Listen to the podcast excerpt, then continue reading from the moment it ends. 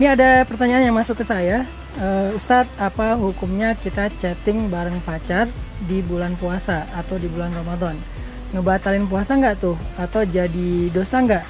Sebetulnya chatting secara umum sih sesuatu yang baik. Chatting itu kan komunikasi ya, ngobrol, cuman lewat sosial media. Chatting lewat japrian, lewat DM-an, lewat grup, broadcast, segala macam.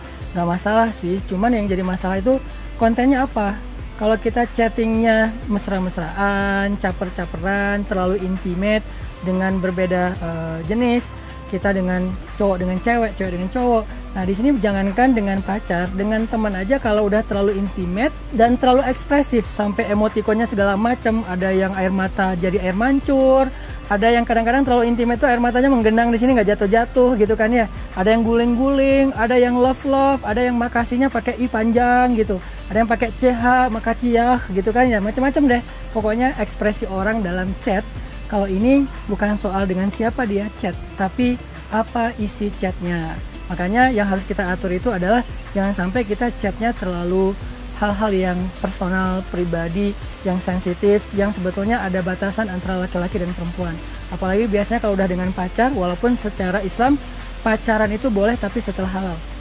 Jadi kalau dalam Islam tuh pacaran setelah saya terima nikahnya udah pacaran deh sebebas-bebasnya nggak ada yang larang dan nggak perlu malu. Tapi kalau belum e, halal kayaknya harus nahan diri dulu. Nah kalau belum halal atau kayak sama temen kalau bisa kontennya atau isi chatnya yang kita atur supaya nggak jadi dosa supaya nggak jadi apa ngelewat batas.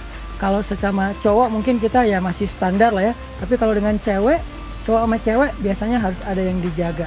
Jangan sampai kita nanti masuk celah celah-celah seton untuk merusak hubungan di antara kita yang tadinya cuma sahabat tiba-tiba jadi apa TTM teman tapi mesra.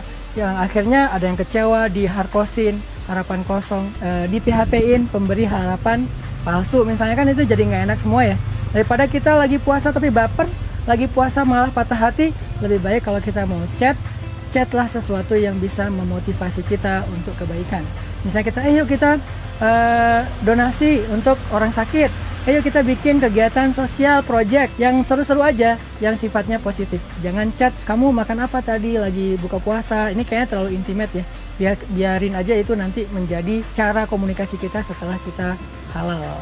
Jadi intinya teman-teman jangan chat yang intimate, jangan berlebihan, tapi jadikan chat kita sebagai watawa saubil hak, watawa saubisok. Itu chat loh. Saling chat tentang kebenaran atau saling chat tentang memberi motivasi supaya sabar. Maka itulah chatnya orang yang beriman.